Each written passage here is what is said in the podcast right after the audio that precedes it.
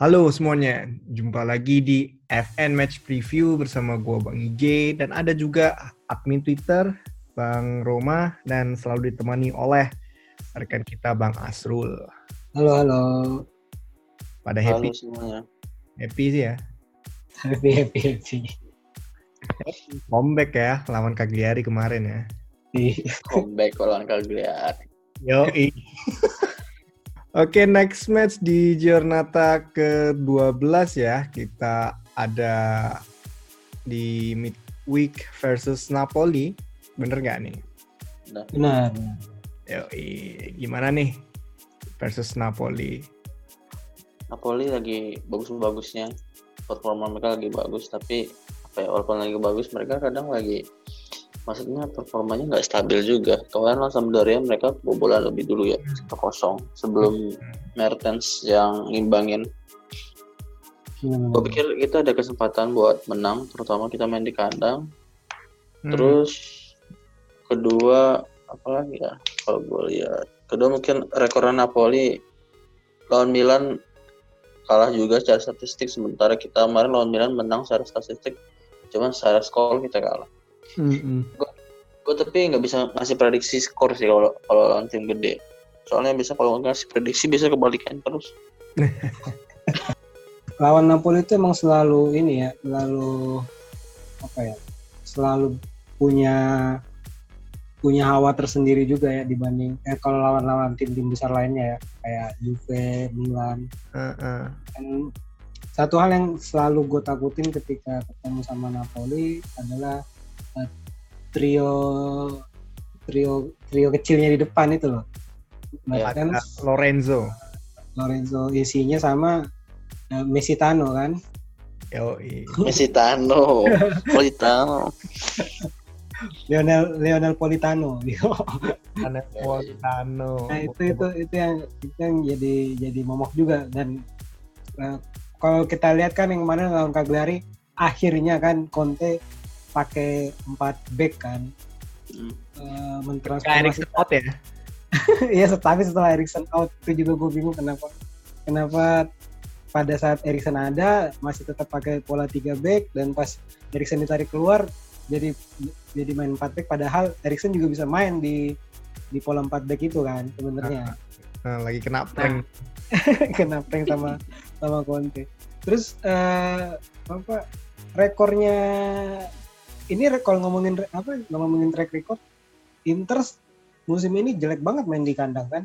Cuman berapa poin yang dihasilin itu tiga dari dari dari berapa eh, satu kali kalah kan lawan Milan si seri lawan Parma. Gue lupa seri pokoknya nggak nggak full lah gitu. Sedangkan eh, poin yang didapat sama Inter nggak full. Dan sedangkan eh, Napoli itu justru kebalikannya. Main away itu dia just dia justru sangar banget gitu. Emang emang eh, apa namanya emang rata-rata menang tapi perlu digarisbawahi juga lawannya di Serie A selama away dan mereka menang itu juga tergolong nggak ada yang berat sih sebenarnya Hmm. Parma, Benevento, Bologna, Crotone itu memang ya boleh dibilang jauh lah di bawah bawahnya Napoli gitu. Cuman Inter penyakitnya gini sih, kadang kalau main di kandang suka sedekah poin. Nah itu dia harus harus yang di, di ya apa harus dipikirin juga tuh sama Conte ngeredam eh, li- lini per, eh, lini serangnya eh, Napoli Napoli. Hmm. sama ngeredam eh, pemain depannya itu tiga tiga krucial itu harus sama terus di ini juga sih. dicariin cara gimana caranya biar mereka nggak terlalu eh, main Ya. skor gitu nggak nggak terlalu main-mainin back back Inter lah Hmm. gitu Tapi emang ya, tapi kalau kandang sama tandang kalau untuk musim ini sebenarnya nggak ada bedanya ya nggak sih? Kan sama-sama nggak ada penonton gitu loh. Nah, justru justru justru kena nggak ada penonton itu, eh, bang. Jadi kayak apa ya? eh, ya udah rasa kandang rasa tandang, tandang rasa kandang gitu Ah, tergantung. itu loh makanya itu. mentalnya lagi. Ah, benar balik lagi ke mental. Mental aja itu. Mm-mm.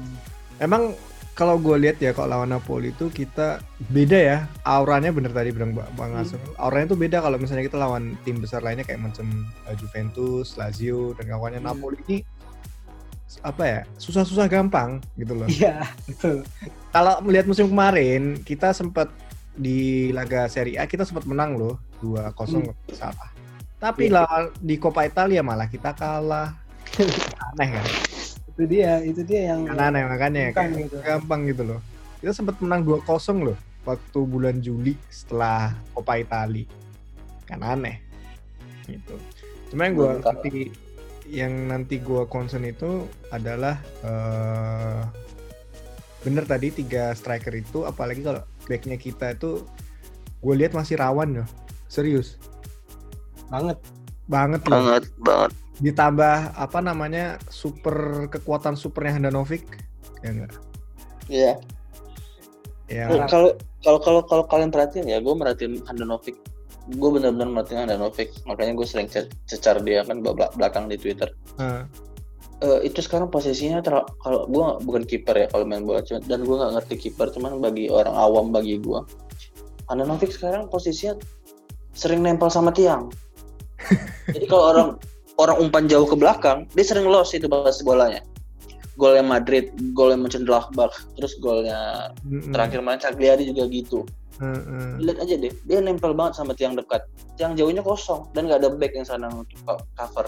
Hmm. gol-golnya Kalau- Inter ternyata kayak gitu. Dan Handanovic pasti melongo lihat lihat bola datar ke arah gawang ujung. Apa Kalau kalau menurut gua tuh ini loh eh, Bang, Bang Roma. Eh, apa ya? faktor Sebenarnya ya satu, satu benar, benar banget. Faktor umur. Kedua eh, jadi karena back back back backnya kita tuh tinggi tinggi ya dan gede-gede Hmm, si Skriniar, De Vrij sama Bastoni hmm. ditambah sebenarnya ini si si Handa ini sangat eh, menaruh harap banget sama The Vrij atau enggak si eh, siapa namanya Skriniar sebenarnya Hmm. Eh, crossing bola-bola jauh jadi makanya dia itu lebih lebih nge-backup eh, tiang dekat dibanding tiang jauh karena harapannya dia adalah eh, ada pemain yang ngisi di situ. Nah, sedangkan Hmm. kalau kita pakai pola 352 kan itu saling ngisi ya. Eh, Hmm. kosong ngisi, kosong ngisi, kosong ngisi gitu-gitu terus kan. Kalau ada yang naik diisi yang diisi lagi. Jadi kayak eh, muter aja gitu. Kayak Hmm. apa ya? Istilahnya kayak kayak puzzle lah gitu di Hmm. yang kalau kalau kosong Hmm. itu harus diisi lagi. Nah, keterlambatan ini sih nutup ruangnya itu. Jadi jadinya eh, eh, apa namanya? si handanya kadang mati langka atau enggak eh, Hmm. makanya kan kalau kalau lu perhatiin nih lawan siapa ya terakhir tuh lawan Shakhtar lawan eh, kemarin Cagliari itu Handa marah banget kalau seandainya eh, lawan bisa bisa ngesut kan bisa ngesut bebas Hmm. gitu tanpa ada penjagaan Hmm. karena ya itu tadi bener faktor umur jadi kalau dia pelangga pelongo ya emang dia satu dia apa kadang ekspektasinya nggak sesuai dengan harapannya dia yang kedua ya umur udah udah nggak bisa di nggak bisa di ini lagi Kalau Bang Asrul, Asrul bilang kayak gitu, berarti musim ini kita lemah di koordina- koordinasi ini belakang dong. betul Bener. itu itu jelas itu jelas itu jelas banget Hmm, hmm. Oh, berarti gue paham mana waktu golnya Sotil kan, gol pertamanya Ah, Sotil itu betul, Handa. Handa kan teriak-teriak tuh ketiga backnya. Hmm, hmm, Ah, Gue merhatiin highlightnya. benar Iya, itu benar Ya yang di grup malah apa namanya kebobolan malah marah-marah ya. Ternyata Iya. Tapi biasanya yang ngisi posisi kosong yang Handa tinggal siapa? Drambelsiu. hmm. Hmm. Berarti nggak sih kalau Drambelsiu itu sering Iya. ngisi posisi kiper Bener. yang selalu sudut ujung sana. betul Dia betul, selalu yang nutupin. betul karena karena eh, apa Ambrosio udah ngerti eh, Hmm. kalau Handa itu pasti lemah di eh, dia nggak bakal nge-cover tiang jauhnya Mm-mm. jadi dia bakal cover tiang dekatnya eh, tiang jauhnya itu berharap ke pemain entah siapa itu. Lalu Nah, nggak, keterlambatannya tuh kadang gitu. Hmm, lo kan tahu Ambrosio kemarin di wawancara juga bilang kayak gimana, ya kan? Daripada aku ngegolin, lebih baik gue menjaga gawang gue ini perawan. Nah, dia ngerti. iya. Ngerti. Makanya gue kadang bingung eh, sama koordinasi. Ini ini yang jadi jadi apa ya? Jadi kayak eh, kebalik 180 derajat gitu dengan hari pertama kedatangan Conte sampai sampai sekarang gitu Hmm. apa sih yang berbeda gitu gue juga nggak ngerti gimana caranya keseimbangan yang diminta Conte itu sampai sekarang menurut gue belum belum belum ada aja gitu belum belum apa ya belum benar-benar seimbang lu musim lalu lihat dah sampai pekan sekarang itu kita mungkin masih kebobolan berapa 8 gol kah 7 gol kah gitu Hmm. sekarang udah udah 15. berapa 11. 15 gol Hmm. sangat ini banget kontras banget gitu gue juga bingung kenapa Conte bisa kayak gitu Mungkin PR ya buat Conte ya. Entah koordinasi Iya. di lini belakang yang mulai menurun. Ya enggak, tapi Hmm. aneh sih pemainnya juga nggak ganti. Kan kayaknya gitu. iya itu dia Anehnya itu sebenarnya, anehnya itu. Atau memang lawan udah mulai ngerti, ngerti cara ngebobol eh, pertahanan Inter. Antara Iya. itu, Iya. sebenarnya antara itu gitu loh. Karena kan nggak berubah nih. Oh Internya kayak gini-gini aja, udah kayak gitu.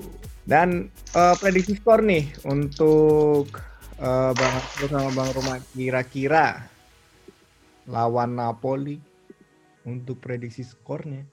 Gua sih kalau gue ya, kalau gua Hmm. eh, agak sedikit pesimis ya sebenarnya Hmm. karena apa ya Napoli juga lagi bagus dan eh, Inter tuh kalau udah keenakan nyerang kayak kemarin kalau seandainya nggak ganti formasi itu gue yakin kalah Inter. Oh iya, bener. kalah itu pasti yakin gue Setuju. jadi kalau kalau Inter eh, Conte masih tetap dengan 352 dan nggak ada perubahan kemungkinan sih pulangnya cuma dua kalau gue ya prediksi gue eh, skornya di 2-2 atau enggak Inter kalah 2-1 Hmm, hmm, hmm, Oke, berarti lebih ke arah negatif ya. iya kalau gue lebih karena negatif gue tahu kenapa sih dan semoga aja eh, prediksi gue salah. Rom, kalau Rom.